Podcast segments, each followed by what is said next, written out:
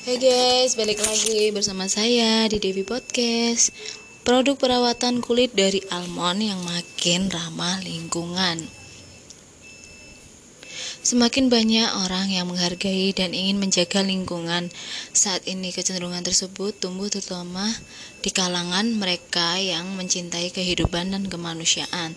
Tak heran bila dalam banyak hal orang makin sadar menilai dan memilih sampah, mengurangi produk plastik sesekali pakai, hingga memilih produk yang alami.